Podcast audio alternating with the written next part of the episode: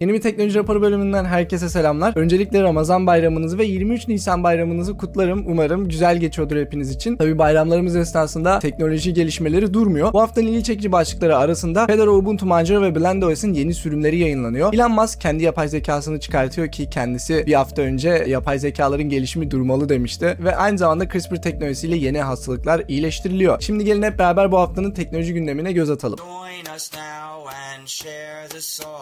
Fedora'nın 38. sürümü yayınlandı. Bu sürümle birlikte web sitelerinde yenilemişler. Çok büyük bir fark göremedim ama biraz daha sadeleşmiş gözüküyor. Fedora 38'deki yeniliklerse Budgie sürümü eklenmiş. Ana GNOME versiyonlarında en son GNOME ile yüklü geliyor. Micro DNF'i DNF5 ile değiştirmişler. Yani şu an Fedora 38 kuruluysa DNF5'i test edebilirsiniz. Ve Systemd servislerinin varsayılan aşım süresi kısaltılmış. Böylece sisteminiz daha hızlı kapatılabiliyor. Ubuntu 23.04 sürümü de yayınlandı. Tabi bununla birlikte Kubuntu, Lubuntu, Ubuntu Mate gibi sürümlerin de 23.04 yayınlandı. 23.04 sürümünde artık 6.2 çekirdeği ile geliyor ve GNOME 44 sürümüyle birlikte geliyor. Ubuntu'yu kuran yazılımsa tamamen güncellendi. Daha modern bir arayüze sahip. Bir eksiği ise ZFS kurulumu yapamıyorsunuz. Bu yayında aynı zamanda Ubuntu Unity, Ubuntu Cinnamon ve Edubuntu sürümleri de eklendi. Manjaro'nun da 22.1 sürümü yayınlandı. GNOME 43 Plasma 5.27 ve KDE Gear 22.12 sürümleriyle geliyor. Sistem ayarlarından Flatpak izinlerini değiştirmenize olanak sağlıyor. Varsayılan çekirdeği ise 6.1 LTS çekirdeği. Ve dağıtım yayınlanmalarının sonuna geliyoruz. Son olarak BlendOS'in ikinci sürümü yayınlandı. Tek kişinin geliştirdiği bu dağıtımda güzel farklılıklar da mevcut. Örneğin Android otomatik olarak kurulu geliyor. Yani Android uygulamalarını Linux'ta kullanabiliyorsunuz. Nvidia kartlarda da çalışmasını sağlayacak ayarlar yapılmış. Web app'lere yükleyebileceğiniz bir uygulama ise otomatik olarak yine kurulu geliyor. BlendOS'ı henüz denemedim ama güzel değişiklikler yapıyor. Belki bir videoda yakında deneyebiliriz. KDE Gear 23.04 yayınlandı. Bir sürü KDE uygulaması güncelleme aldı. Benim en ilgimi çekense KDE'nin Live'a Nested Timeline özelliği gelmesi. Bu birçok kapalı kaynaklı video editöründe mevcut. Birden fazla timeline oluşturabiliyorsunuz. Sonra bu timeline'ları yine birbirinin içerisinde kullanabiliyorsunuz. Çok istenen özelliklerden birisiydi. Live her geçen gün daha iyi olmaya çalışıyor. Ben bu aralar biraz videolarımı DaVinci Resolve'da editlemeye alıştım ama yine yakında KDE Live'a geçmeyi düşünebilirim. Firefox çerezleri kabul et yazısını otomatik olarak reddetmeyi planlıyor. Açıkçası bu çerezleri kabul et beni çok rahatsız etmeye başladı. Bunun uBlock e, listelerini kullanıyorum ama bazen onlar da yakalamıyor. Buna evrensel bir çözüm gerekli gerçekten. uBlock orijine ihtiyaç olmadan varsayım olarak böyle bir şey yapması bence güzel bir şey. Flutter web sitesi tamamen yenilendi ve yayınlandı. Yeni web sitesi daha modern, daha hızlı ve onaylanmış uygulamaları görebilmenize olanak sağlıyor. Yeni web sitesi öncesine göre daha güzel, daha anlaşılabilir ama ben bir seçimi beğenmedim. O da renk seçimleri. Biraz daha canlı renkler seçilebilirmiş bence.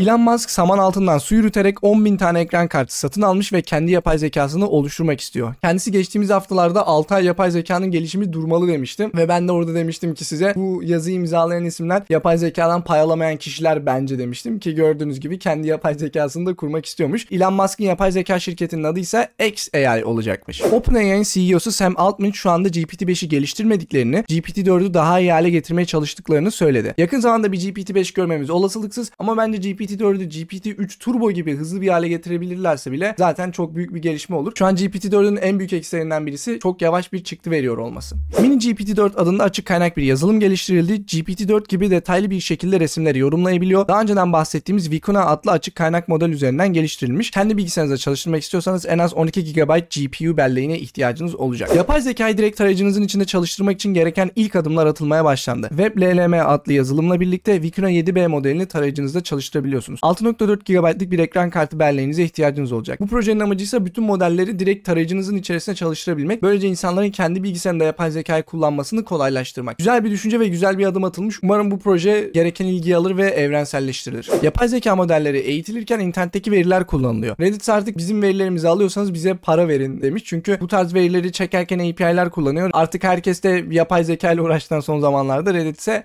Bundan rahatsız. Bunun üzerine Stack Overflow da aynı şekilde yapay zeka eğitilmesinde ücret talep ediyor. Bakalım bu trend diğer web sitelerine de yayılacak mı? Google yapay zekanın reklam kampanyaları üretmesine izin verecek. Böylece Google kullanarak reklam verenler bu araçlardan faydalanabilecek. Bakalım türetici yapay zekalardan ilginç reklamlar görebilecek miyiz? Bu hafta keşfettiğim yapay zeka yazılımlarından birisinin adı Bark. Yazıdan ses üretmenizi sağlıyor. Ve işin ilginç yanı Türkçe'de mevcut içerisine yazı veriyorsunuz ve Türkçe bir ses üretmesini istiyorsunuz. Bugüne kadar kullandığımız yazıyı sese döndürme programlarından artısı yapay zeka kullanması ve daha gerçekçi ses üretmesi. Yine bağlantıdan kendiniz inceleyebilirsiniz.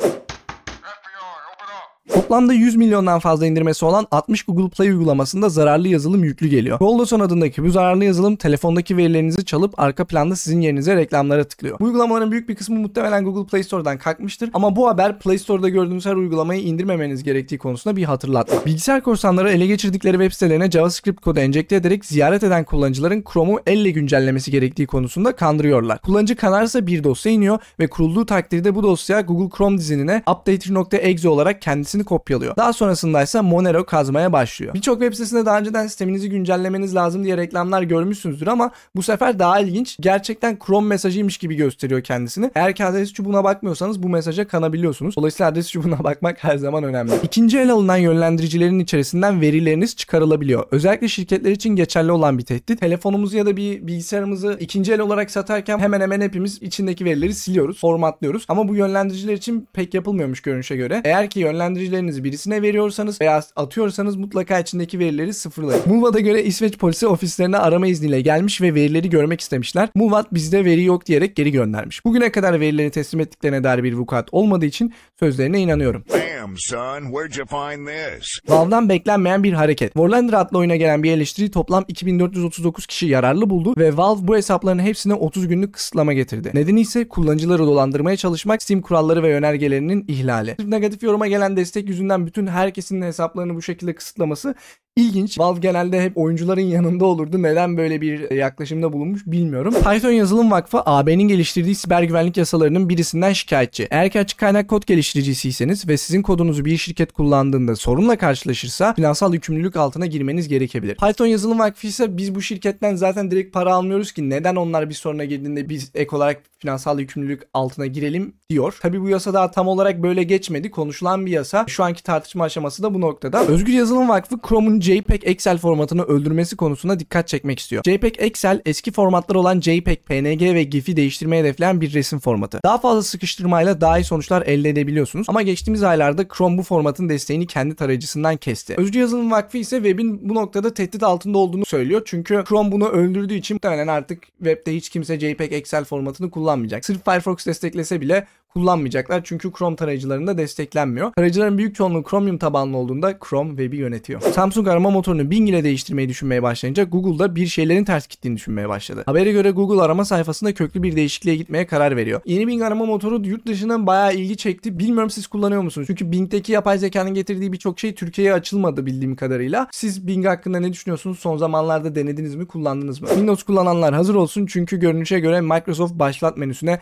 daha fazla reklam koymayı test ediyor. Genelde CRISPR denince akla hep genetiği değiştirmiş bebekler gelir. Ancak CRISPR teknolojisiyle bazı hastalıkları yenmeye başladık ve tedaviler bir sene sonrasında halka açılabilir. Habere göre orak hücreli anemi hastalığı CRISPR sayesinde yenilebilmiş. Artık bu konu hakkında Barış Özcan'dan veya Evrim Ağacı'ndan belki detaylı bir video görebiliriz. Söylentine göre iPhone 17'ye uygulamaları dışarıdan yükleme özelliği gelebilir. AB bu konu hakkında baskılar yapıyordu ancak Apple'ın başındaki kişiler çok karşıtlardı. Hatta dışarıdan uygulama yüklemenin ne kadar zararlı olduğu hakkında özel sunumlar bile yaptılar. Bakalım gerçekten gelecek mi? WhatsApp, Signal, Element gibi birçok mesajlaşma uygulaması bir araya geliyor ve uçtan uca şifrelemeyi kaldırmak isteyen Birleşik Krallığa tekrar düşünmeleri gerektiğini söylüyor. Bu olay çoktandır tartışılıyor. Sizce Birleşik Krallık uçtan uca şifrelemeyi kaldırabilir mi? E, bana artık zor gibi geliyor çünkü çok e, haber başlığı yapıldı. Ama eğer ki kaldırılırsa ve insanlar sessiz kalırsa eminim birçok hükümet aynı kararı takip etmek isteyecek. Proton Mail ve Proton VPN'in kurucuları Proton Pass adında bir şifre yöneticisi çıkaracak. Şu an beta sürümünde ve anladığım kadarıyla açık kaynak değil. Bitwarden veya KeyPass varken şu an tercih etmek için bir neden göremiyorum. Jack Dorsey'in Twitter alternatifi Blue Sky'ın Android versiyonu yayınlandı. Blue Sky kendi merkeziyetsiz protokolünü kullanıyor. Protokolün GitHub sayfasına baktığımda hala alfa aşamasında olduğu yazıyor. Açıkçası ActivityPub varken neden kendi protokollerini yazmak istediler hala anlamıyorum. Çünkü merkeziyetsizliğin altında sadece bir platform kullanırsa olmaz. Birden fazla platformun kullanması lazım. E, hala hazırda ActivityPub'ı onlarca platform kullanıyordu. Neden baştan kendi protokollerini yazdılar?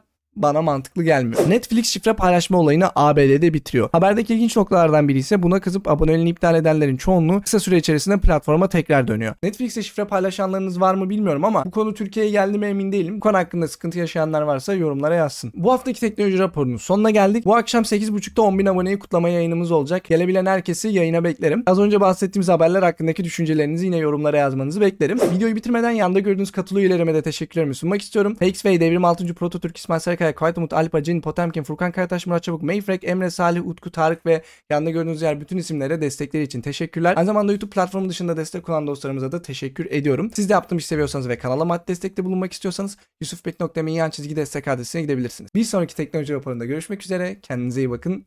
Hoşçakalın.